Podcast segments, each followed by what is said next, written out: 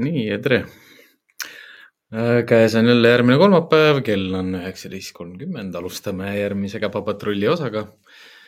tänase osa teemaks on jah, meil karistuse mõiste ja tähendus. suur tänu Andresele, Andres Metuusalem, kes andis mulle selle mõtte, et see teemaks võtta. ma ise ei ole mõelnud karistuse peale niimoodi väga palju ega pikalt viimasel ajal ja, ja Andres pani mind uuesti selle selle teema üle mõtisklema. ja täna ma siis, täna ma võtangi nagu mm, seletan teile läbi, läbi mitme sellise huvitava teooria tegelikult, mis on äh, üldiselt tunnustatud maailmas ja teatud ka aga võib-olla mitte nii palju levinud jah, nagu erasektoris või noh, kuidas me nimetame, on ju, kes on professionaalsed koertekoolitajad, kes on teenistuses koertega ja kes siis tegelevad koerte psühholoogia käitumisega igapäevaselt. Äh, loomulikult ma tahan siin alguses peale Andrese tänada ka veel kindlasti Katrinit, Erikat ja Enget, kes meie tegevust toetavad ja tänu nendele ka kõik teised saavad siis jätkuvalt äh, kuulata ja vaadata ja osa, olla osa meie tegemistest. nii et veel kord üks suur-suur tänu Katrinile, Engele ja Erikale. aga nüüd, kui me täna jah, teele lähme, siis äh, selline karistuse mõiste, selline noh, kuidas nüüd võtta. Eesti keel on äh, üldiselt selline, et võib-olla ei ole mm, sõnavara nii laialdaselt levinud nagu ka koerte koolitamise ja treenimise alal. et äh, kui, kui me tuleme koerte koolitamise, noh, oleme spetsialistid ja, ja oleme tegelenud koerte koolitamisega ja, ja mõistame selliseid teooriaid, mis on seotud koerte koolitamise ja õppimisega, siis äh, meie kasutame võib-olla sellist karistuse mõistet nagu natukene vabamalt ja, ja julgemalt. tõenäoliselt me kasutame seda ka omavahel nagu rohkem kui niimoodi, et ma kliendiga suhtlen otseselt sellest või, või klient küsib, et kuidas ma peaksin oma koera karistama, noh siis ma tavaliselt alati natuke nagu mühatan selle peale, et et noh et noh, ei pea otseselt koera karistama või kuidas, kuidas nagu karistust võtta või et kas ma pean olema karmim ja, ja sihuke badass im nagu konkreetsem. no ma pean koeraga konkreetsem olema, et ei, et see ka sind ei aita nagu mitte kuidagi edasi. et sa võid ju proovida ja arvata, et, et sa pead olema konkreetsem, aga, aga ei pea. ja noh, siis ma teengi tegelikult täna sellise triki, et ma jagan teiega ka täna siis oma akent. näete näete natukene seda, mida mina näen mis asi see on oi, mul endal on seda nii raske vaadata, issand jumal, okei okay. äh,. ma võtan siia lahti endale äh,. oodake. panen selle pigem niimoodi, jah äh,. ma võtan siia lahti endale, ma teen niimoodi tegelikult, et ma jagan Äh, ma jagan pigem teiega niimoodi, et ma näitan teile vahelehte. jagan teiega lihtsalt ühte vahelehte, panen ka tausta värvi ära, sest muidu see kirju segab sealt kõrvalt. niimoodi, panen ennast pisik, natukene pisemaks. niimoodi ja siis me hakkame alustan ma sellisest ühest huvitavast äh,, huvitavast isiksust, isikust ja tema teooriast nagu Kim äh, Brophy. Brophy. ja, ja Kim Brophyl on selline mudel nagu Leeks, Leeks mudel. miks see on tänase, noh, tal ei ole see logo võib-olla kõige parem et see leeks metafoor nagu tulebki, tulebki sellest, et koeral on jalad ja siis tema siis nii-öelda metafoor on siis jah, need äh, koera jalad, okei okay,, see pilt on kuskil siin sees. ehk siis leeks ja leeks mudeli, äh, mudeli tähendus nagu seisnebki selles, et äh, need on kolm, nelja siis sellise sõna nagu algustähed nagu learning, environment, genetics ja self ehk siis, kui me, miks ma lähen selle karistuse teekonnale siit maalt, ongi see, et, et, et näha natukene seda karistuse mõistet laiemalt. ma kõigepealt annan teile natukene sellist nagu allteadmist selles osas, et kes on koerad, millises maailmas nad elavad ja kust tuleb nüüd see karistuse osa. Noh, ütleme karistuses on kaks sellist, sellist mõistet nagu kari, noh, selline karistus, mis on füüsiline karistus, jõuga karistus, karm karistus ja karistus võib olla ka selline, kus ma isegi koera ei puuduta. ma lihtsalt vaatan talle otsa või noh, kasutatakse ka sellist karistust, et äh, ega me ise ei saa aru, et kui me kummardame koera kohale, et siis me ka tegelikult domineerime, mis tegelikult äh, koera jaoks võib äh, olla karistusena ja nüüd see karistuse mõju koera käitumisele või sellele arusaamale, kuidas koer sellest aru saab, olenebki nendest asjadest, mille ma praegu teile sinna selle teema ümber natukene la laon või loon.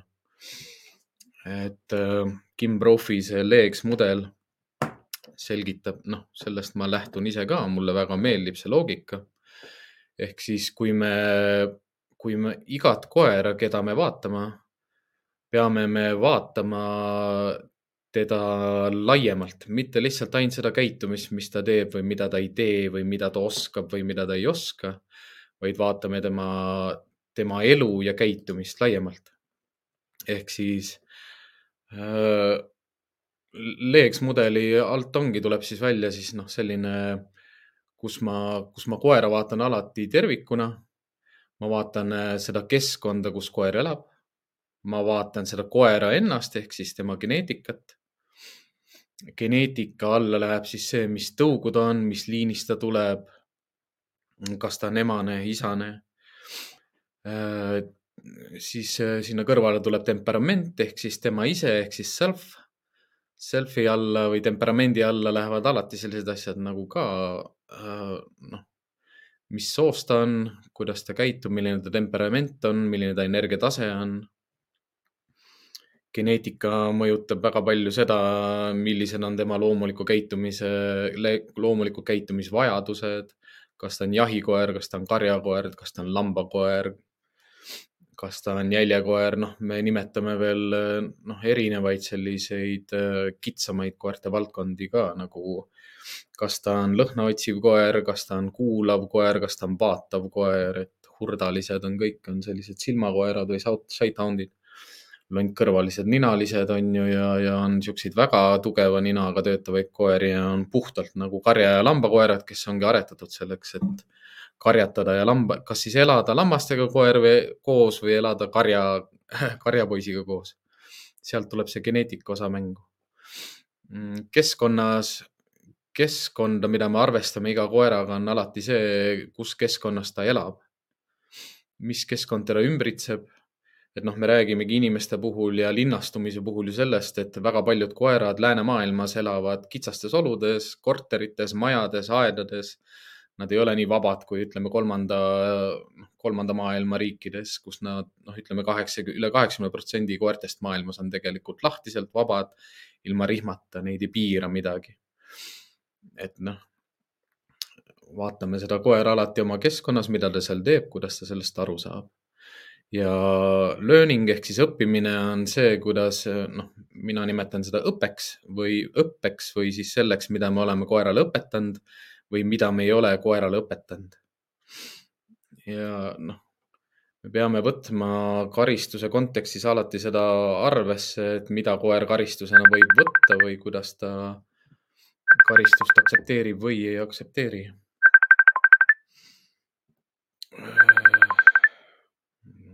Mingi kõne siin. ma ei saa sellele kõnele praegu vastata. ja kui me, kui me lähmegi sellest, sellest mudelist edasi, siis ega karistus võib olla koera jaoks juba lihtsalt see, et ta ei ela oma loomulikus keskkonnas. või siis karistus on juba koera jaoks see ka, kui ta geneetiliselt ei saa teha seda, milleks ta on loodud või mida ta tahab teha. üldiselt ka ütleme, karistus on väga erinev nagu kui me vaatame seda self osa või siis tema enda osa või temperamendi või jõu osa, ütleme, me nimetamegi osasid koeri tugevamaks, osasid pehmemaks, osasid nõrgemaks, osasid leebemaks, osasid reaktiivsemaks, osasid vähem reaktiivsemaks. et isegi koeralt koerale võib olla karistus ja kari, üks ja sama karistus võib olla täiesti erineva tähendusega. ehk siis noh, mis see selline põhiline mure nagu ütleme, selle karistuse mõiste või karistuse mõistmise juures on, ongi see, et äh, tihtipeale luuakse sellist kitsast ja, ja, ja ühemõttelist koridori karistuse mõiste jaoks, et karistus on karistus, karistus on noh, füüsiline karistus, karistus on, kui ta on juba, kui me nimetame, et ta on füüsiline, siis idee järgi juba on igasugune puudutustõmme, mõjutus rihmast või, või kehaga lükkamine, nügimine, noh, kõik on juba ju karistus. siit tuleb ka niisugune väike paradigma sisse, et, et me ei saa võtta, isegi kui ma proovin olla oma koeraga võimalikult nagu aus ja, ja elada temaga nagu koeraga, siis mul ei pruugi ikkagi õnnestuda see, et, et ma ei karista teda absoluutselt äh, miks nagu see karistuse mõte tuleb järjest rohkem äh, nagu esile koera õppimise kontekstis ongi selline asi nagu ope, noh, ma kirjutan äh, inglise keeles.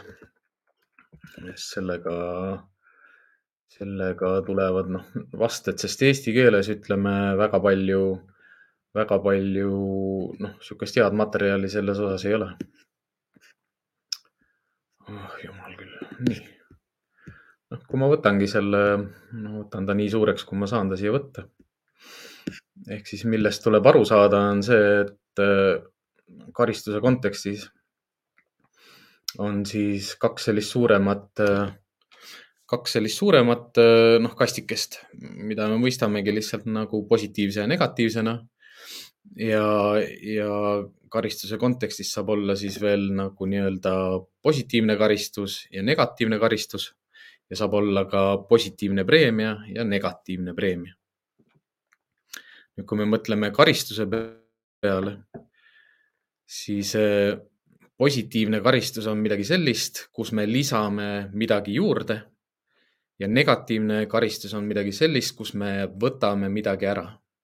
noh, seda võib ka niimoodi võtta, et äh, positiivne karistus on midagi sellist, kus ma noh, kas ma siis noh, ütleme jah, tõmban rihmast, tõmban rihmast tugevalt negatiivne karistus võib olla selline, kus juba rihmapinge on peal, aga ma lasen selle maha. Mm, ja operantses tingimise teoorias peabki sellest aru saama, et äh, ühegi koeraga tänapäeva maailmas, arvestades seda, milline on nende geneetika, milline on nende elukeskkond, kes nad ise on ja mida nad on õppinud äh, sünnist kuni selle maani, kus ma hakkan võib-olla teda treenima või tema käitumismuredega tegelema on ta õppimine kogu aeg toimunud sellises kontekstis, mis on üldiselt üsna lihtne. Ehk siis ongi kas karistus või preemia. kui ma, kui ma premeerin käitumisi, siis ta hakkab käitumisi rohkem kordama. kui ma, kui ma ütlen ei premeeri käitumisi, siis ta ei hakka üldse mingit käitumist tegemagi. kui ma tahan mingit käitumist vähendada, siis ma võin lisada karistust ja kui ma tahan mingit käitumist vähendada, siis ma võin ka kasutada negatiivset karistust ehk siis karistuse äravõtmist selleks, et äh, koera karistada. Ma saan aru, et see on, äh, see on niimoodi kõrvalt äh, vaatajale keerulisem mõista, sellepärast et mm, ütleme, et ta ei ole nii, nii mustvalge, et, et ta ongi nagu sees-väljas ja hästi lihtsalt mõistetav, vaid äh, sellest peabki, noh, ütleme kõige paremini saab operantse tingimise kasutamisest koera koolituses aru siis, kui sa hakkad koeri koolitama selgelt selle põhimõtte või, või loogika järgi, mis on siis operantne tingimine. üks levinud, äh, teine levinud õpiteooria on ka klassikaline tingimine. aga ütleme, karistuse kontekstis klassikaline tingimine ei ole, ei ole selles mõttes rakendatav, et äh, klassikaline tingimine eeldab lihtsalt seda, et, et, et ma teen, teen midagi, mille järel koer hakkab käituma teistmoodi. ehk siis ma lisan või, või noh, lisan midagi, mille järel hakkab koer teistmoodi käituma. see on rohkem äh, lihtsalt ühesuunaline, kus inimene peab tegema midagi selleks, et koer hakkaks teistmoodi käituma operantse tingimise mõte on rohkem see, et koer käitub keskkonnas ja keskkonnalt tule, keskkonnast tulenevatest äh, mõjutustest ta hakkab teistmoodi käituma. ja sellepärast ka operantne tingimine on populaarsem selline selgituskoht, kus me seletame koera käitumise muutmist või koera õpetamist või koera õppimist kui me nüüd äh, teame, kust me koer tuleb, millises keskkonnas ta elab, mida tal on vaja selleks, et olla tema ise, milline on ta temperament, mida ta on teinud, siis sellest olenevalt äh, sõltub ka väga palju see, mida see koer üldse tajub preemiana, mida ta tajub karistusena, mida ta tajub kasvõi negatiivse preemiana või mida ta tajub negatiivse karistusena. osade koerte jaoks võib olla positiivne karistus juba see, kui omanik läheb uksest välja.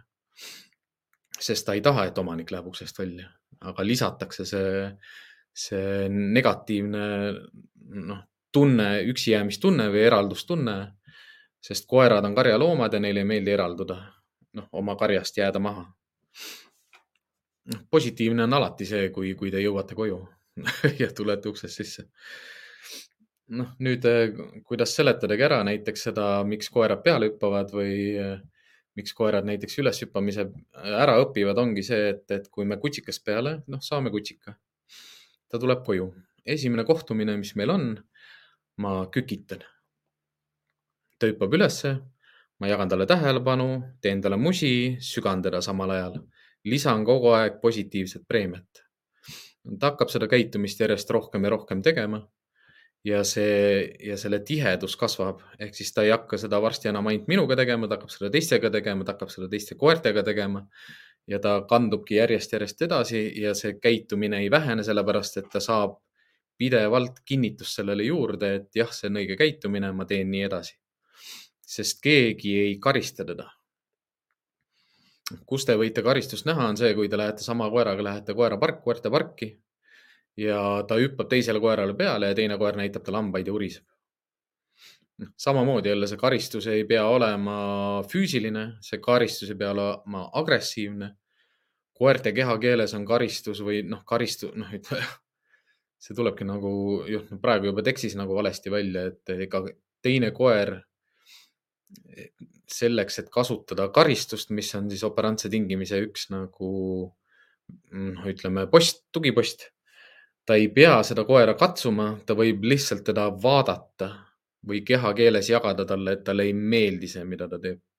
ta võib ka näksata, ta võib ka hammustada, ta võib ka, noh, ta võib uriseda, ta võib ka hammustada nii, et hoiab pikalt kinni. või ta võib teha nii, et ta surub teise koera maha ja lihtsalt on tema kohal. miks ta tema kohal on, on sellepärast, et üldiselt koerad tajuvad üksteise energiat ja kui kui selle teise koera mõte või instinkt ei ole veel vahetunud, siis ta ei võta karistust ära. nüüd selleks, et ta saaks selle koera käitumist muuta, on ta nii kaua tema kohal, kuni ta saab soovitud käitumise ja siis ta võtab karistuse ära. ehk siis selles kontekstis võib olla ka karistus lihtsalt domineerimine ehk siis kohal, teise koera kohal olemine. ja ta saab selle karistuse ära võtta, kui ta saab vajaliku käitumise üldiselt äh, tulekski nagu operantse tingimise seda nelja kastikest vaadata alati niimoodi, et see käib pidevalt ringiratast, see ei seisa kunagi paigal ja see töötab pidevalt. ja need kastikesed on ka samaaegselt erineva tugevusega esil.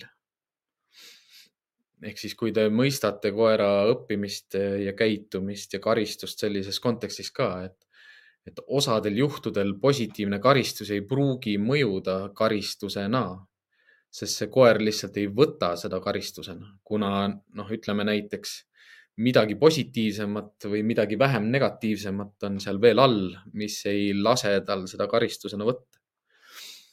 noh, üks küsimus, mida ma tihti saan, on see, et küsitakse mu käest miks, noh, ma panen oma koera külili, noh, ma surun ta maha, aga ta ikka tõuseb püsti ja käitub ikka samamoodi edasi. Et seal ongi see, see koht sees, kus te võite ju koera maha suruda. aga kui ta ei võta seda karistusena, ehk siis see ei ole tema jaoks nii karm või nii, nii üleolev tema suhtes et ta ei võta seda karistusena ja ta teab, et ärasaamine on suurem preemia kui see karistus, mis praegu kestab. ehk siis ta, koerad õpivad ära seda ka, et, et kui, kui nüüd te võtate käed ära ja lasete ta lahti, et siis ta saab püsti tõusta ja ära minna jälle. võivad õppida sellega ära, et no vahet ei ole, et sa mind praegu kinni hoiad, ma tean, et sa lased mind lahti ja siis ma saan ikka teha, mida ma tahan et selle külili panemise mõte ongi see, et kui ma koera maha panen, siis ma ei, kui ma kasutan karistust liiga palju, siis ta ei austa seda karistusena, sellepärast et ma kasutan liiga palju füüsilist jõudu. Kui ma kasutan karistust liiga vähe, siis ta ei võta seda karistusena ja võib ikkagi sealt ära tulla.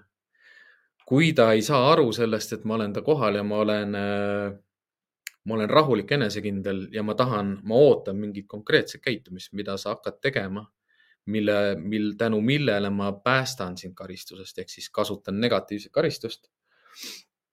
ongi see, et ma pean ootama, et ta käitumine muutuks. maas olles ta käitumine peab muutuma.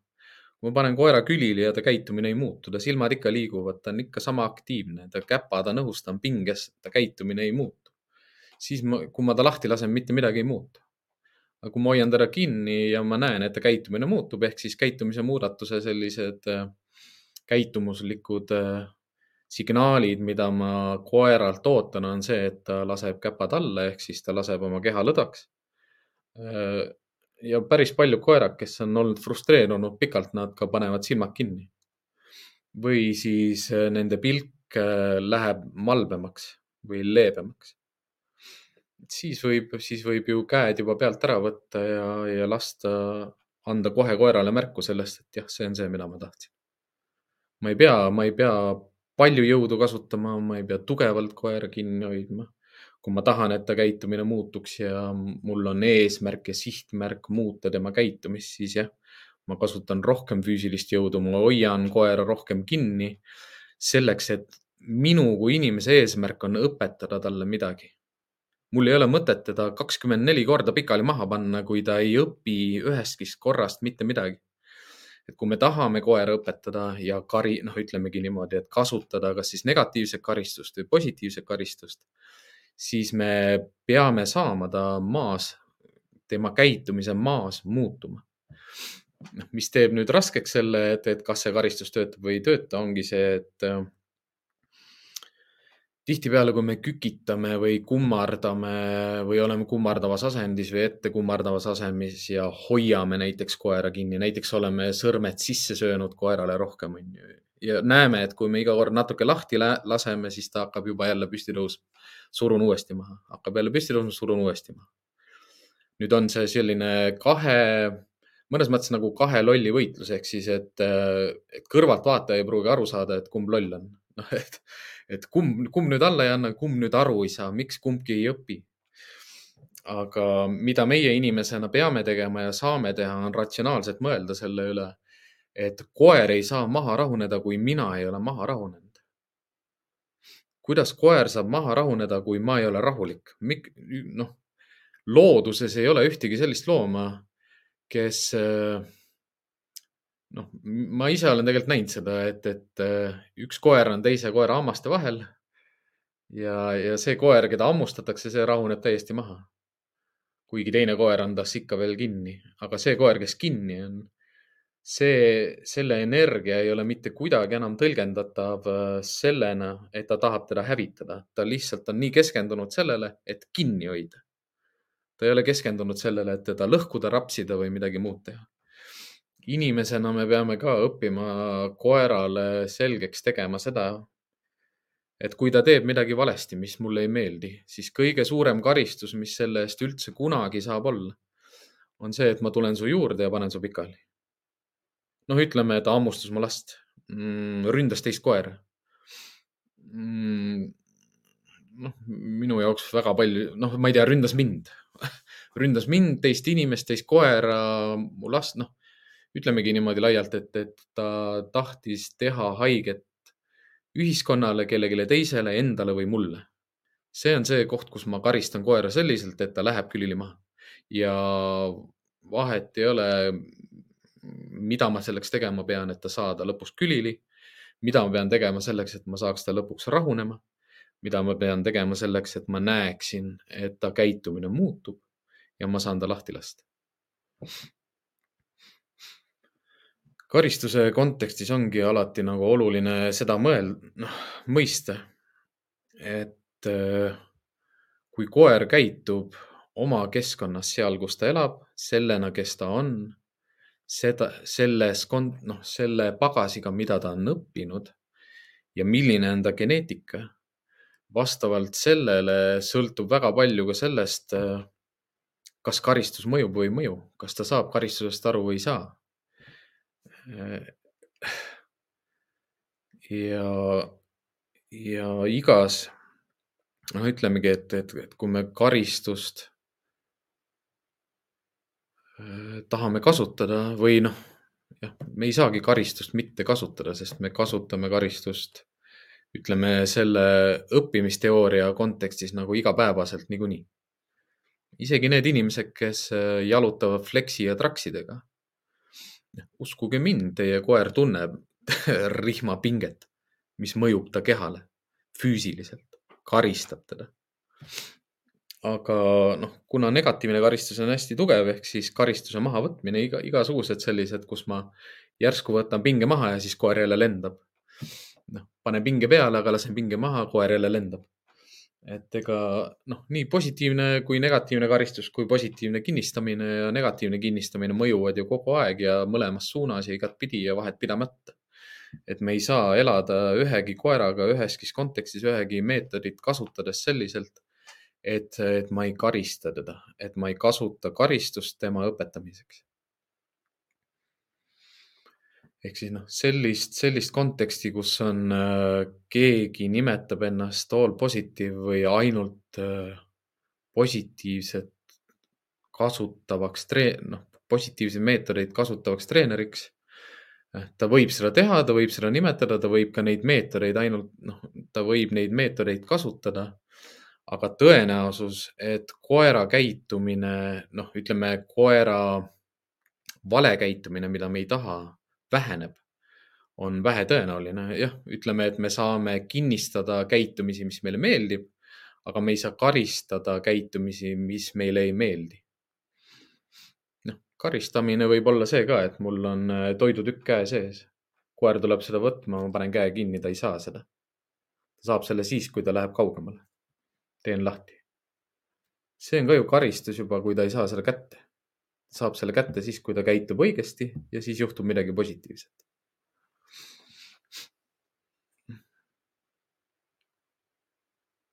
karistust ei tule vaadata jah, ainult nagu nii-öelda millegi, millegi füüsilise, millegi karmi, millegi, ma ei tea, karjun, noh, miks ma karjun karjumine ei ole kunagi koera jaoks karistus koera jaoks, ütleme karjumise kontekstis on tõenäoliselt äh, rohkem karistuseks see, mis selle kar karjumisega kaasneb või mis selle karjumisega koos on kunagi kaasnenud. et äh, millest te peate nagu aru saama ja mõistma, on see, et ega, ega ma ei saa karistada nagu üks kord ja siis koer unustab ära.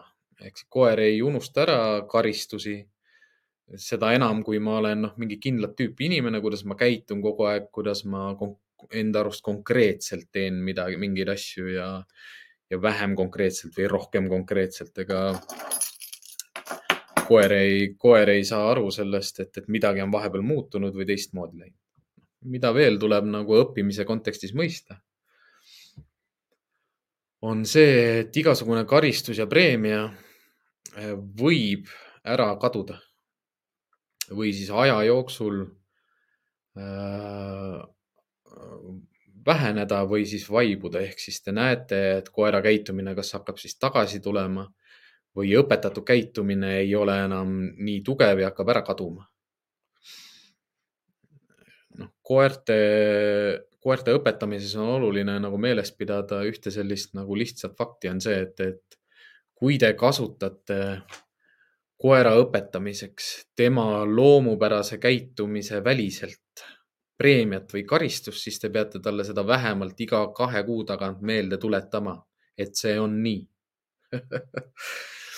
Noh, kui me vaatame jälle alguses seda Leeks mudelit ehk siis äh, õppimine, keskkond, äh, koer ise ja geneetika, siis äh, mida lähemale me saame koerale, oma koerale, selles keskkonnas, kus ta elab, see, kes ta on.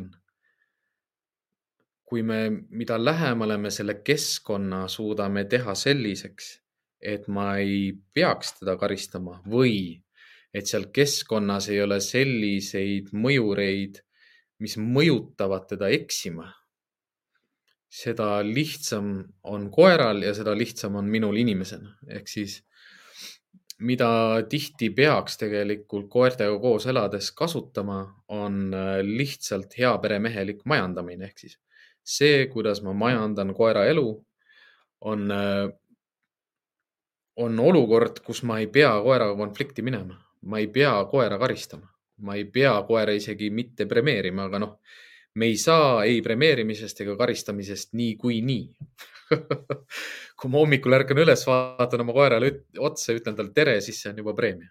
noh, premeerin tähelepanu äh,, premeerin tähelepanu või otsa vaatamist. sest preemia võib olla häälpuudutus äh,, äh häälpuudutus, noh, toit, mäng äh,. ja ka noh, ütleme, karistus võib ka olla preemia et olen näinud selliseid koeri, kes äh, hea meelega, noh, nad lähevad veel rohkem käima, kui nad saavad karistada. noh, lükkad eemale, noh näiteks lükkad eemale, aga ta ikka tuleb nagu vedru tagasi. lükkad eemale, tuleb ikka vedru tagasi, lükkad eemale, noh. eile näitan ha haabu, jah. eile, eile käisin ühel Prantsuse buldogil külas, kes samamoodi, aga alguses, kui kui ta mulle peale hüppas ja ma, ja ma hammustasin teda, siis ta alguses ei võtnud seda väga suure karistusena. Aga kuna tema see positiivne osa sellest vähenes pidevalt oma käitumisest ja minu negatiivne, ma ei suurendanud positiivset karistust, aga tema positiivne preemia kadus ära. positiivset karistust ma ei suurendanud, siis lõpuks ta lülitus pealehüppamise pealt minu ründamise peale. alguses ta hammustas väga kergelt, sellepärast et ta tahtis mulle, koerad ei ole agressiivsed, nad ei ole kurjad, nad ei ole siuksed pahad kohe alguses, kui on hea sotsiaalne koer. Ta tahtis mulle aru, aru, mõista anda, et kuule, sina ei hammusta mind, et mina hammustan sind või kui üldse keegi siin midagi hammustab, siis või noh, liigutab, siis mina liigutan sind. aga kuna ma ei liikunud eest ära, siis ta sai väga vihaseks ja, ja otsustas mind nagu siis veel positiivsemalt karistada selle käitumise eest, mida mina teen. ehk siis noh see, mida meie teeme koertele, koerad teevad seda ka meile. Ja kuna koerad töötavad hästi lihtsalt, noh, koeri saabki vaadata hästi lihtsalt. ma ütlen ka, et koerte õpetamine on hästi lihtne, aga see ei ole kerge. noh, meie oleme koerte jaoks lihtsad, koerad on tegelikult meie jaoks ka lihtsad ja meie saame neid õpetada lihtsalt ja nemad õpetavad meid ka väga lihtsalt ja algeliselt. et nad ei kasuta selliseid nagu suuri ja noh, ma ei tea, tähtsaid õpiteooriaid, et kuidas, kuidas õpetada ja mida õpetada, kõik on hästi naturaalne ja geneet-, noh, geeni, geneetikast tulenev, lihtsalt ta on koer. ta käitub nii sellepärast, et ta on koer. noh, mida võib aeg-ajalt näha, on jah see, et kui koer on inimestega, inimestega koos kaua elanud sihukeses kitsas ruumis või ühes kohas või siis vastupidi, et koer on elanud vabana palju ja siis pidanud järsku, noh, noh, toon mingid sellised näited, et mul on saare, Saaremaal on suvila, ma käin suviti seal, seal on koer vaba, kogu aeg on noh, vaba kava, võib teha, mida tahab, käib, kus tahab, piire pole, aeda pole, reegleid pole, piire pole ja siis noh, sügisel pean jälle tulema ikkagi oma linnakorterisse tagasi, mis on ühetoaline, viiendal korrusel. alla saab liftiga ja koer keerab täiesti ära. mina ei saa aru, mis nüüd toimub, noh, midagi on valesti sest need kaks keskkonda, kus see koer, noh, kus, millist elukeskkonda see koer, kes, kes on tema ise, geneetiliselt tema ise, need elukeskkonnad, mida ta vahetab ja see, mida ta selles keskkonnas õppis, on see, kes ta on praegu. ja siis ei maksa imestada nagu selle eest, et kui ma muutsin koera, noh, kaks aspekti ära ehk siis elukeskkonna ja selle, mida ta õppis vahepeal. et kuidas see nüüd selles uues keskkonnas, selles kohas, kus ma justkui tahan, et ta oleks sama tubli, hea ja, ja käituks õigesti edasi, ta enam ei suuda olla see, kes ta oli Hiiumaal äh, vabalt olles. sest äh, see, mida ta seal ise õppis ja see, mida ma talle õpetasin, ei lähe kokku enam selle keskkonna ja see nende minu soovidega, mida ma tahan, et ta teeks. et Kim Brophy ongi äh, etoloog. Et mitte etnoloog, vaid etoloog ehk siis ta uurib loomade käitumist keskkonnas, noh, ütleme hästi niimoodi noh, nagu noh, nagu lapsele seletad et ta uurib loomi nende elukeskkonnas, kuidas nad käituvad, kuidas nad elavad, mida nad teevad, mida neil meeldib teha, mis on nende selline normaalne, naturaalne käitumine et kui me vaatamegi koeri sellisest kontekstist, et me teame, kes nad on, kus nad meeldivad elada, kus neile meeldib elada, mida neile meeldib teha ja milline on nende geneetika ja nemad ise ehk siis energiatase ja kui palju ta liikuda tahab ja milleks ta on aretatud ja nii edasi. siis me ei, me ei saa ju pahaks panna, kui ta käitub halvasti lihtsalt sellepärast, et ta ei ole selle keskkonna jaoks loodud nüüd meie võimalus on tema keskkonda võimalikult palju selliselt korraldada, et, et tema koera, koera, noh, loomana, kes on koer, saaks aru, mida ta selles keskkonnas võib teha, ei või teha, peab tegema, ei pea tegema, tohib teha, ei tohi teha ja nii edasi. noh, nendest ütleme karjastruktuuridest ja majandamistest me oleme rääkinud eel, eelnevatest podcast idest, aga jah, noh, siuksed hästi lihtsad asjad, mida ma peaaegu igal koduvisiidil vaatan ja ka soovitan inimestel üle vaadata, on koera magamise koht, koera puhkamise koht, koera söögikoht, see koht, kus ta sööb ja joob, koera mänguasjad. ehk siis mänguasjad ei tohi olla laiali, söögi-joogi koht ei tohi olla ju liikumisteel ega, ega ukse läheduses või köögis, kus, kus inimene sööb magamiskoht ei tohi olla samamoodi keset tuba, ukse ees, koridoris, liikuvates kohtades või ega ka noh, soovitatavalt mitte magamistoas. alati panna sellise koha peale, kus väljapääsu ei paista, kus koer saab rahulikult olla, kus on natukene hämar, turvaline, ei ole palju liikumist. et juba niisuguste lihtsate asjadega, kus ma lihtsalt majandan elukeskkonda, kus koer elab, saan ma juba väga palju õpetada talle asju, kuidas käituda. ma vaatan, kas ma leian üles äh, sellise ühe, ühe teo, noh, teooria või sellise lähenemise, äh, mida ka, millest ka oleneb väga palju see, esiteks, millist käitumist koer otsustab mulle pakkuda või siis kui ma tahan koera karistada, millist käitumist ma talt ootan, mida ma siis saaksin premeerida ehk siis kasutada negatiivset preemiat. Fight, flight, vaatame, freeze, phone, vaatame, kas tuleb. Fight, flight, freeze, phone mm. -hmm. Da-da-da-da-da. täpsustame seda veel. Fight, flight, freeze, surrender, surrender. Dog. nii, fearful dog, freeze, fidget, fight. siin ei ole ühtegi õiget. ehk siis seda teooriat on, äh, on täiustatud, täpsustatud, seda ei kasutata ainult koertega. see kehtib äh, põhimõtteliselt sisuliselt kõikide koertega, kõikide koertega, kõikide loomadega. et üldiselt, üldiselt äh, mm, iga kord, kui siis koer või mõni loom satub mingisse konkreetsesse olukorda, siis tal on äh, sisuliselt nagu suures laastus alati neli valikut, mida ta saab teha.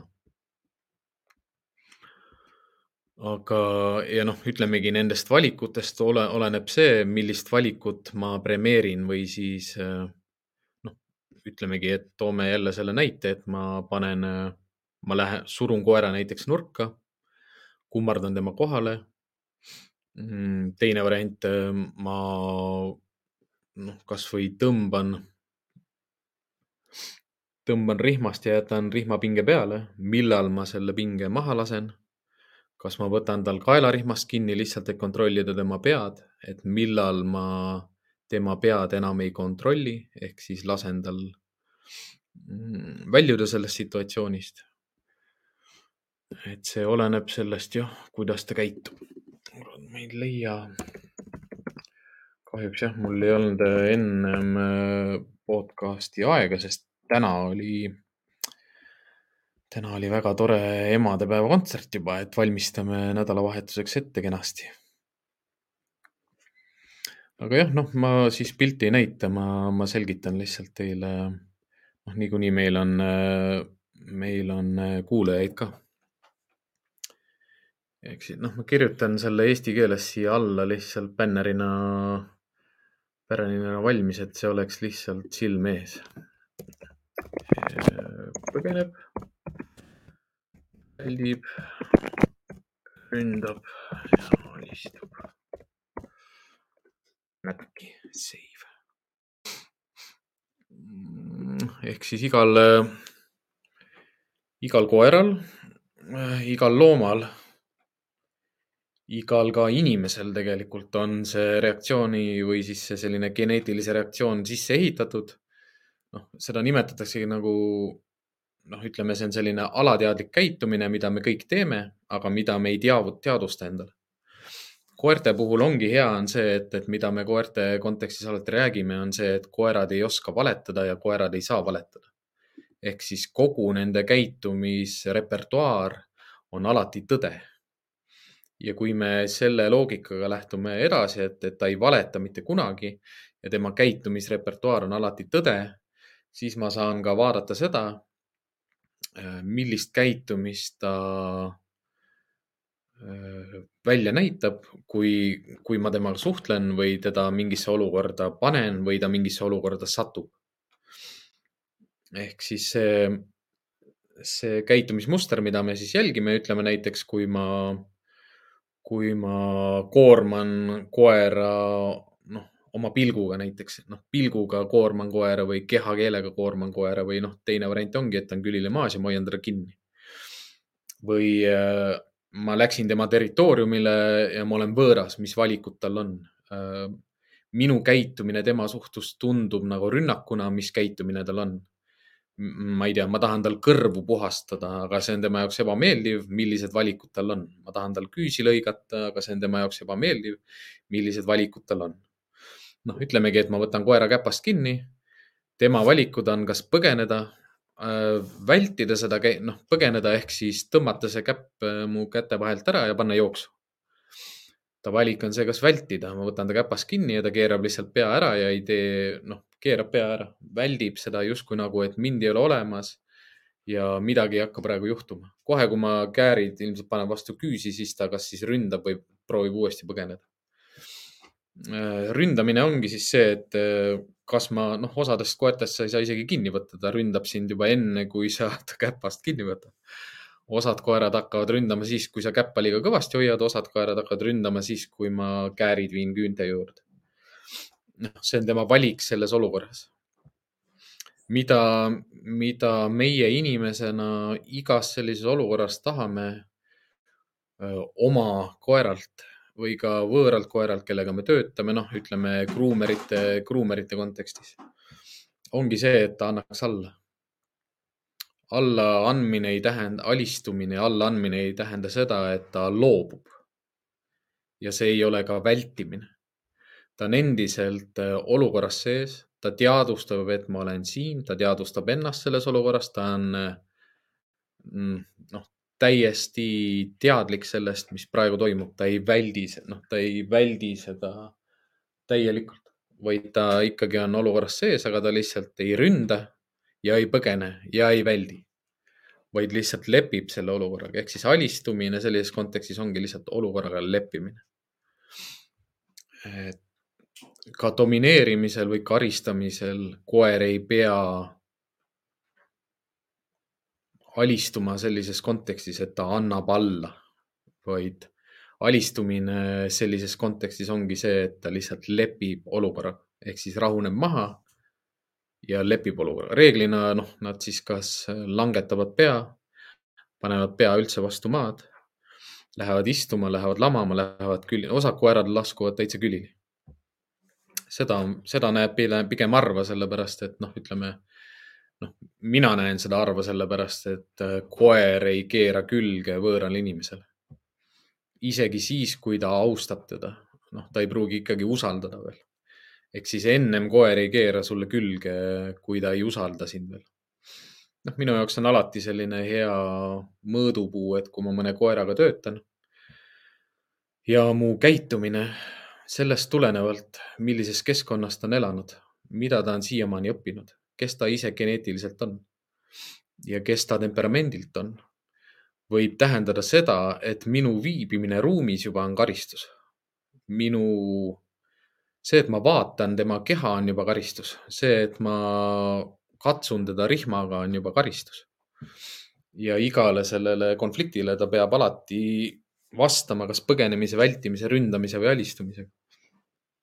noh, ütleme sellises kontekstides sa ei näe mitte kunagi alistumist Äh, näeb väga palju väl-, noh, näeb ründamist, näeb põgenemist palju ja näeb ka vältimist palju. aga nad ei saagi alla anda, sellepärast et nad ei tea veel sind, nad ei oska sind usaldada ja nad kindlasti mitte ei austa sind. sest noh, muidu ta ei peaks ju tahtma põgeneda, karta ega olla reaktiivne. noh, miks siis, äh, miks siis on niimoodi kõrvaltvaatajal alati see, et äh, noh, kaks asja. esiteks, kui, kui mina või Karl läheme mingisse situatsiooni mingi koeraga, siis keegi ei saa aru, et miks need koerad nii kiiresti, nende käitumine muutub ja miks nad meile kuidagi nagu alluvad. siis tal lihtsalt, me takistame tal rünnata ja põgeneda ehk siis ta ei saa rünnata ja noh, me ei lase tal rünnata ja me ei lase tal ka põgeneda. Noh, tõenäoliselt nad lükkuvad nagu sinna vältimisse. tihtipeale nad ei anna alla aga on, on selliseid koeri ka, kes äh, väga harva, noh, ütlemegi niimoodi, et oma kogemuse põhjal ikkagi võiks öelda, et koerad ei anna kunagi alla. noh, võimatu, sellepärast et sa oled võõras inimene, ta ei saa ju alla anda. ta annab mingi, mingi aja möödudes, näitab selliseid alistuvaid käitumisi, noh näiteks käpa tõstmine või Äh, pea langetamine, noh, sest ta mängib läbi erinevaid käitumismustreid, et kas sa nüüd, kas sa nüüd jätad mind rahule, kas sa nüüd jätad mind rahule, kui ma nüüd maha istun, kas sa jätad mind rahule, kui ma pikali viskan, kas sa jätad mind rahule? noh, karistus on ikka peal ja karistus ei ole ju mitte kuidagi see, et ma karjun, peksan, teen haiget, pigistan, vaid karistus on lihtsalt see, et ma olen olemas noh, karistus võib olla loomulikult see, et ma peksan koera kaikaga vastu pead. karistus võib olla see, et ma annan koerale elektriimpulsi, noh, kasutades treening seda e, noh, elektrikaelarihma. Karistus võib olla ka see, et ma kasutan ogarihma ja teen konkreetselt koerale haiget karistus võib ka olla see, et ma kasutan täispoovat äh, retriiveri rihma ja, ja katsun, noh, puudutan koera, pigistan koera mm,. hoian näiteks pinget peal. see karistus on kestev karistus, aga ma saan selle alati ära võtta. ja ka koer ise saab selle ära võtta ja ta teab seda, et ta saab selle ära võtta. Või siis noh, ta õpib selle lõpuks ära, et ta saab selle ära võtta ta peab ka aru saama sellest, et millal see peale läheb. noh, nüüd ongi see, nüüd ongi need kitsaskohad nagu kõikidel karistamistel ongi see, et, et, et kui me ei kontrolli seda, millal karistus peale läheb ja ära läheb, siis läheb tõlkes kõik asjad väga segaseks. noh, ütleme, toomegi nagu sellise konteksti, et kui ma panen koerale ogarihma peale liiga pingule ja ta tunneb kogu aeg, et see pinge on peal, siis nad raputavad pead ja nad proovivad seda rihmast nagu vabaneda, nad proovivad seda pinget maha saada. jah, ma saan noh, selliste õrnemate tõmmetega talle veel lisada noh, nii-öelda karistust. aga tema jaoks jääb ikkagi sel-, selgusetuks see, et, et okei okay,, vahepeal ma karistan tugevalt, aga vahepeal ma karistan natukene vähem ja mida siis lõpuks tahad mult saada. Et sellepärast mina ei kasuta ogarihmasid mitte kunagi, sellepärast et ma tean, et ogarihma raskus ise juba võib koera, koera kaerale suruda ja mul jääb ikkagi suhtlusest midagi puudu. ehk siis koer ikkagi ei saa aru, mida ma tahan saada. lõpp, noh, täiesti lõplikult, kui me mõtleme operantse tingimise selle nelja kvadrandi peale et on olemas positiivne karistus, negatiivne karistus, positiivne preemia ja negatiivne preemia. Kui ma ise olen rahulik ja mitte midagi koer valesti ei tee, aga ta tunneb ikka karistust, noh, mõõdukalt, siis miks, noh, miks ma seda teen, miks ära ei võta või mida ma valesti? Teen, kas ma ei tohi vaadata otse või? noh, et sellepärast ma ka kutsikatega väldin raskeid karabine, metallist karabine või raskeid kaelarihmasid, sest see on ka karistus, mida me ise ei kontrolli. Noh, elektri, elektrikarjused, karistus, mida me ise ei kontrolli. Või siis isegi elektritreeningpuldid nagu, et seda ma kontrollin, aga nüüd ongi see küsimus selles, et kui pikalt ma seda kontrollin, millal ma seda kontrollin, mis hetkel ma seda kontrollin ja millal ma järgmine kord seda jälle, jälle vajutan. kas ma panen mööda või kas liiga vara või liiga intensiivne või liiga vähe intensiivne et kui ikkagi tahta karistust nagu koera jaoks hästi lihtsaks teha, siis tuleks jääda nagu võimalikult äh, neutraalseks, naturaalseks ja, ja lihtsaks. noh, sellepärast mina ka helistan, eelistan äh, just selliseid lihtsa nöörist kaelarihmasid, et ta on kerge, see ei sega koera, ma ei näe, et nad raputaksid, nad raputavad siis, kui nad tahavad, et see alla vajuks aga nad ei raputa närviliselt nagu siis, kui neil on ogad kaelas. kui ogad on kaelas, siis nad raputavad hoopis teistmoodi. Noh, ütleme, et kui ogad on kaelas, nad langetavad pea ja raputavad nagu ettepoole. aga kui neil on äh, midagi ebamugavat, ütle see nöör on, on ju sellise koha peal, kus ta tunneb seda või tunneb aeg-ajalt ja tahab selle raputada lihtsalt, et ta vajuks allapoole, siis nad ikkagi tõstavad pea üles ja raputavad pead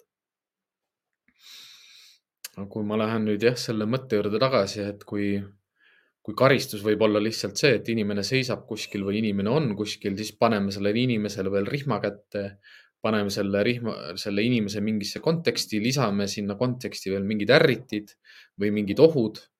ja oht võib olla noh, nagu nina, nina noh, eelmises podcast'is rääkisime, ehk siis ninatöö ja kuidas, kuidas koerad ninaga töötavad ongi see, et oht võib olla ju lõhnast tulenev ka, midagi, mida koer ei näe, midagi, mis on peidus, mida koer ei näe. teise koera lõhn, teise isase koera lõhn, teise emase koera lõhn, jooksuajaga koera lõhn, looma lõhn, inimese lõhn, toidu lõhn, prügikasti lõhn. ta ei tea, mis see on, ta ei tea, kus see on, ta tahab sinna saada, mina olen rihma otsas, rihm on tema küljest kinni, ma annan talle signaale me kogu aeg suhtleme ja räägime üksteisega ja, ja pidev suhtlus ja õppimine ja õpetamine toimub. Ja noh, nüüd võtame mingi koera veel, kes on võõras, kes ei tea mind, kellele ma rihma külge panen ja kes käitub lihtsalt täiesti osade inimeste jaoks arusaamatult, osade jaoks segaselt, osade jaoks liigselt agressiivselt. ta, ta saabki ainult nagu nelja asja valida, ta saab põgeneda, vältida, rünnata ja alistada ma võin äh, koeraga minna liikuma ja temaga jalutada niimoodi, et ta alistub mulle liikumise ajal. Ma võin äh, koeraga minna jalutama niimoodi, et ta proovib kogu aeg põgeneda. ma võin koeraga jalutada rihmas nii, et ta vahet pidamata väldib tegelikult mind. ei alistu mulle, väldib mind ta ei saa valida, sest äh, ründed ei ole viinud eesmärgini. põgeneda ei saa, sest rihm on küljes alla ei anna, sellepärast et noh, purikas on lihtsalt nii kõva sees, ehk siis noh, ütlemegi sellise käitumismuredega koerte puhul ju ongi see, et kas ta on saanud inimeste üle palju domineerida, mida ta on õppinud, mis tal on keskkonnas lubatud, mis piirid või piirangud on lubatud, kes, noh, mis tõugu see koer üldse on ja, ja kas ta on emane-isane, kui vana, mida ta sööb, milline tervis tal on ja nii edasi ja nii edasi ja nii edasi. Kõiki olukordi võib vaadata hästi lihtsalt ja platooniliselt nagu selliselt lihtsalt, et oo, Austraalia lambakoer, noh, teeme noh, seda, seda, seda ja, ja blablabla bla, bla. ma ei vaata kunagi ühtegi olukorda lihtsalt kergelt ega, ega sellise eesmärgiga, et kuidas ma saan koera karistada. et noh, kus ma võtan nüüd selle asja, millega ma saaksin koera karistada igasse olukorda sa lähed ikkagi selliselt, et, et sa vaatad koera elukeskkonda, sa proovid aru saada sellest, kes ta on. sa vaatad tema elukeskkonna üle, et mõista seda, et miks ta teatud asju peab tõeseks. ehk siis, miks ta arvab, et äh, diivan, elutuba, mänguasjad, toidukauss, veekauss, jalamatt ja koridor on tema omad see, see ei muutu ju selgusetuks, kui sa, kui sa viibid seal keskkonnas, kus see koer räägib sinuga vahet pidamata. noh, ja loomulikult sealt võib tulla juba karistusena sisse see, et, et kes ma olen, kus ma liigun ja mida mina endale luban. tema, tema elukeskkonnas. et mida me mõlemad Karliga ilmselt teame ja oleme ka täheldanud, on jah see, et oma iseenda nagu Äh, käitumises ja praktikas me kasutame järjest vähem sellist asja, mida ma nimetaksin nagu vihaseks karistuseks mm,. vihane karistus, pinges karistus, kõva karistus, tugev karistus. aga millest me ei saa mitte kunagi mitte ühegi inimesena lahti, on see, et me kasutame väga leebet karistust, väga kerget karistust, väga mitte üldse tahtlikku karistust ka osade koerte puhul ja väga noh, ütlemegi rohkem selline see karistus või see hirm või see kartus koeras tuleb lihtsalt sellest, et ma seisan vale koha peal, vale keha asendis ja ma põrnitsen liiga palju. või ta tunneb, et mu keha on pinges. et noh selliseid koeri on olnud mitte palju, ei ole, aga noh, kes koertega ei ole tegelenud, ei ole ilmselt sellega kogenud, aga osad koerad äh, kusevad ennast täis, kui sa lihtsalt kummardad nende kohal. Äh, noh, osade koerte puhul jah, me räägime rõõmupissist ja erutuspissist, see ei näe üldse selline välja, see näeb välja ikka selline, et tal on kõrvad ludus, pea läheb alla ja saba on ka all ja ta laseb ennast täis noh, üldiselt äh, koerad loodusest teisele koerale annavad siis sellega märku jah, et nad, äh, nad annavad alla, aga emased koerad kasutavad seda hästi palju selleks, et vältida karistust. ja noh, kui sa juba saad aru tegelikult, et see koer väldib karistust isegi siis, kui sa lihtsalt seisad püsti ja vaatad teda, et siis sa saad aru tegelikult, et kui vähe sul on vaja selleks, et seda koera karistada või et see koer tunneks ennast karistatuna aga noh, algusesse tagasi tulles, etoloogiliselt mõeldes sellest koerast, kes elab selles keskkonnas, kes õpib kindlal, kindlal viisil ja kes reageerib oma geneetikast tulenevalt kindlate reeglite järgi, siis isegi juhul, kui ma pean kasutama karistust, ma kasutan seda selleks, et teda aidata sest äh, ta on juba vales keskkonnas, ta on juba valesti õpetatud. ta juba saab iseendast valesti aru ja ta saab valesti aru ka noh, asjadest, mis, mida talle on õpetatud. tihtipeale saab seletada inimestele koera käitumist ka sellega ära, et äh, see käitumine, mida ta praegu tihti välja näitab, on teie enda poolt äh, talle õpetatud ja nüüd te tahate sellest lahti saada. noh, sihuke, noh, seda ei kuule palju, seda kuuleb äh, vanemalt generatsioonilt nagu rohkem, et, et, et mis mõttes see koer hammustab mind, ma annan talle süüa. noh, ta on ju minu koer, mis mõttes ta ründab mind? ma ju söödan teda, et kuidas ta hammustab kätt, mis teda söödab. aga see ongi ju noh, põhjus on üsna lihtne ja loogiline ja mõnes mõttes ka lilleline, et, et me ise oleme õpetanud oma koera selliselt äh, aru saama, kes ta selles keskkonnas on. see, kuidas ta õpib selle selgeks, kes ta selles keskkonnas on, oleneb sellest, kes ta on ja milline on ta geneetika tihtipeale tahetakse oma muredele saada niisugust lihtsat, selget lahendust, et anna mulle mingi trikk, nipp või üles, noh, mingi harjutus, mida ma oma koeraga teen. et see üks asi talle ära lahendada, aga kunagi ei saa olla lihtsalt nagu ühte nippi, trikki ja harjutust, mis lahendab selle koera elu, keskkonna, oleku, temperamendi ja geenide mure nagu ühes harjutuses. Et lahendused käitumismuredele on, on tihtipeale seotud nii premeerimise kui ka karistamise, kui ka negatiivse karistuse, kui positiivse karistuse, kui, kui lihtsalt majandamisega ja keskkonna majandamisega. sest nagu, kui te tahate koera kasvatada kui te tahate endale kasvatada lemmikut, kellega on hea koos elada, siis te peate alustama sellest, et te valite, kellega te tahate koos elada ehk te teete väga põhjaliku eeltöö selles suhtes, mis tõu te endale koju toote. see ei ole mitte, see ei ole kuidagi saavutatav ega loogiline et kõik tõud, kõik koerad, kõik erinevad geen-, geneetikad, liinid ja, ja, ja, ja nemad ise on võimelised selles elukeskkonnas ilma oma loomulikku käitumist teostamata rahulikult elada. Nad ei suuda rahulikult elada. ja lahendus ei, lahendus sellises kontekstis ei saa olla, et õpetame talle trikke. et ta ei saa olla tema ise, õpetame talle trikke. õpetame talle klassi, noh, operantse tingimisega kasutame ainult positiivset preemiat. operantse tingimisega õpetame talle uusi trikke.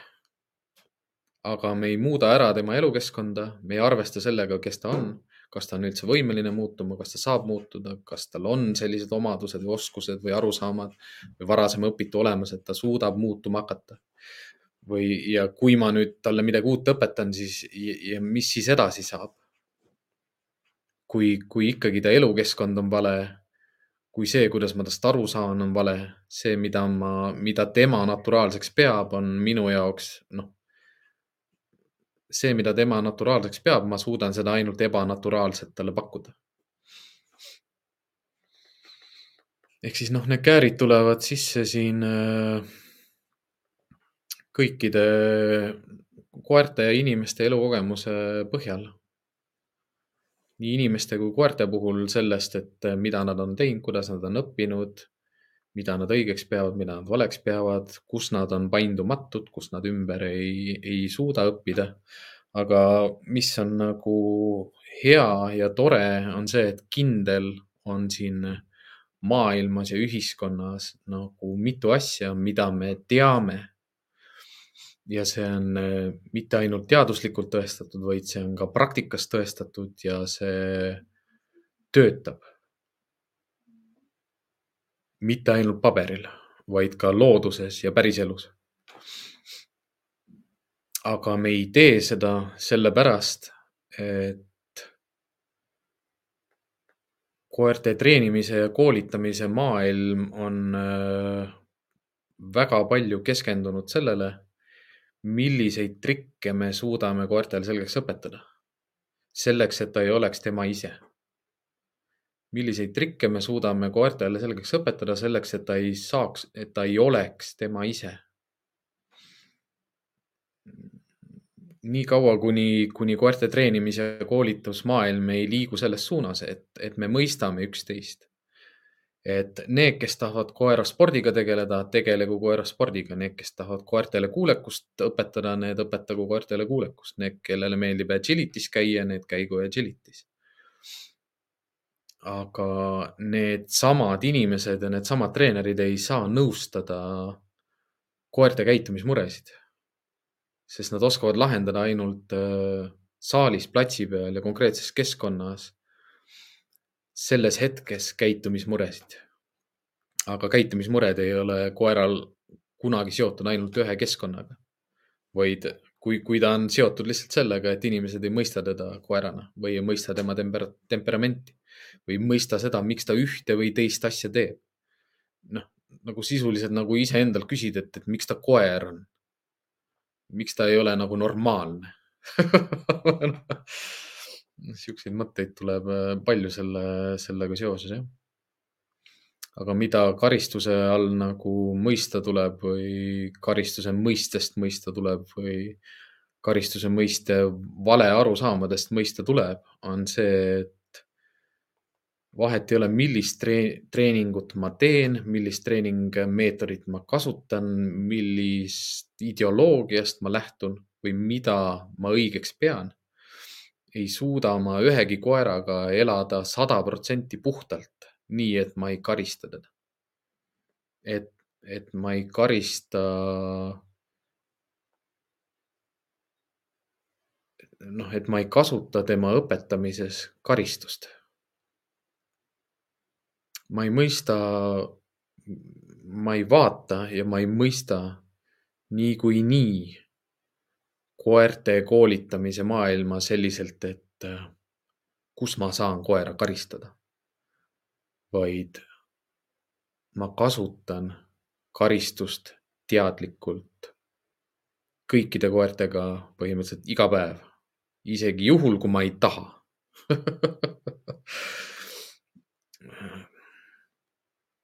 selliseid, selliseid koduvisiite on olnud palju, kus kus koer näeb välja, nagu ta oleks peksa saanud või ta väldib karmi karistust, noh, ütleme, et ta käitumine näeb välja selliselt, nagu keegi varsti läheb talle kallale. lihtsalt sellepärast, et, et ma sisenesin tema ellu, tema elukeskkonda ja ma seadsin talle piirid ja piirangud. ja piir ja piirang oli see, et palun ära katsu mind käppadega. ära hüppa mu peal ja ole minust vähemalt meetri kaugusel, sest ma nõuan seda austust enda vastu ja mul on seda vaja ja sul on seda vaja selleks, et elada.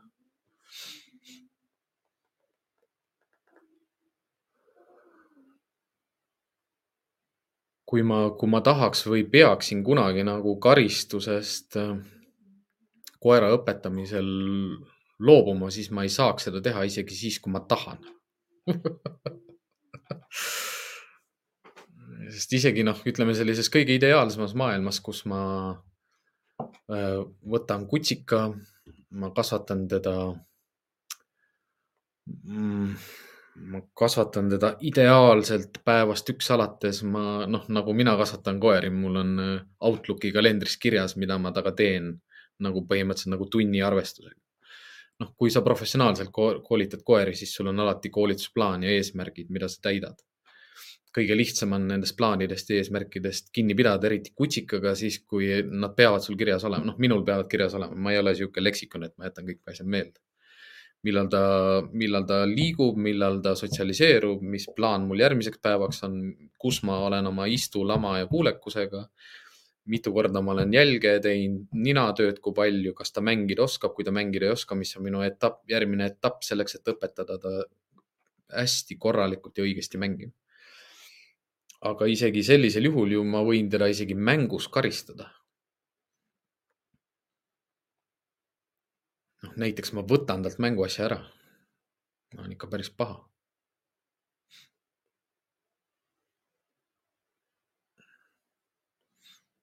et isegi noh, ma ei, ma ei, ma ei, see on nagu võimatu nagu, et jah, ma niimoodi sihilikult ei pea ju otsima võimalusi koera karistada, aga ma ei saa karistamist vältida. sajaprotsendiliselt, sest ma võin lihtsalt koera valesti vaadata valel hetkel. ja see ongi sihuke nii kihvt paradigma nagu ja selline hetkemaailm nagu, kus elada, et kus taotakse vastu rinde ja rebitakse särki lõhki, et ma olen all positive nagu noh, unista edasi. Pole olemas, võimatu ja noh, teine, teine äärmus sealt tulebki see, et, et noh, kui ma ei ole all positiiv, järelikult ma olen all negatiiv nagu et kui sa ei kasuta positiivset preemiat ja klikerkoolitust, siis sa järelikult oled ainult negatiivne. peksad, karjud, kisud ja sikutad, mitte midagi muud ei tee. ja noh, see kolmas, see küll noh, ütleme jah, kolmas, neljas, viies, kasvõi kahekümne kuues külg, sellel on ju veel see, et ega me ei tegele noh, mida ma klientidele ka kogu aeg mõnes mõttes nagu kurdan, on see, et ega me ei tegele ju heade koertega, meid ei kutsuta ju, koera käitumisspetsialisti ei kutsuta koju sellepärast, et koer on tubli ja väga hea ja ei tee midagi halba.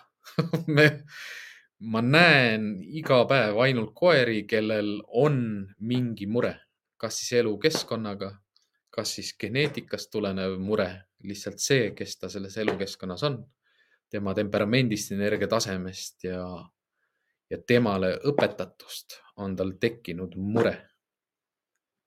ja minu asi on need mured lahendada, aga tänases podcastis noh, ikkagi puudutasime üsna palju ka seda, kuidas te ise saate oma koera vaadata ja jälgida ja püüda mõista seda, kes ta on, mis keskkonnas ta elab ja miks ta mingeid asju teeb, sellepärast et ma ise olen talle õpetanud neid asju. ja ma saan talle õpetada asju ka negatiivse karistusega. ehk siis ma saan tema käitumist suurendada, kui ma vähendan karistust. ehk siis aitäh, Henge, sulle selle toetuse eest ja niikuinii veel kõikide muude toetuste eest. sinuga on hea vestelda, suhelda ja kirjutada kindlasti loodan äh, nendel ja teistel punktidel veel peatuda ja noh, eks ta läheb edasi ainult sellisel juhul jah, kui, kui inimestel tekib küsimusi ja täpsustavaid küsimusi nende teemade ja, ja erinevate teooriate suhtes tänased asjad, mida, mida saate vaadata või jälgida, on jah, sellised asjad nagu etoloog Kim Brophy ja tema Leeks mudel.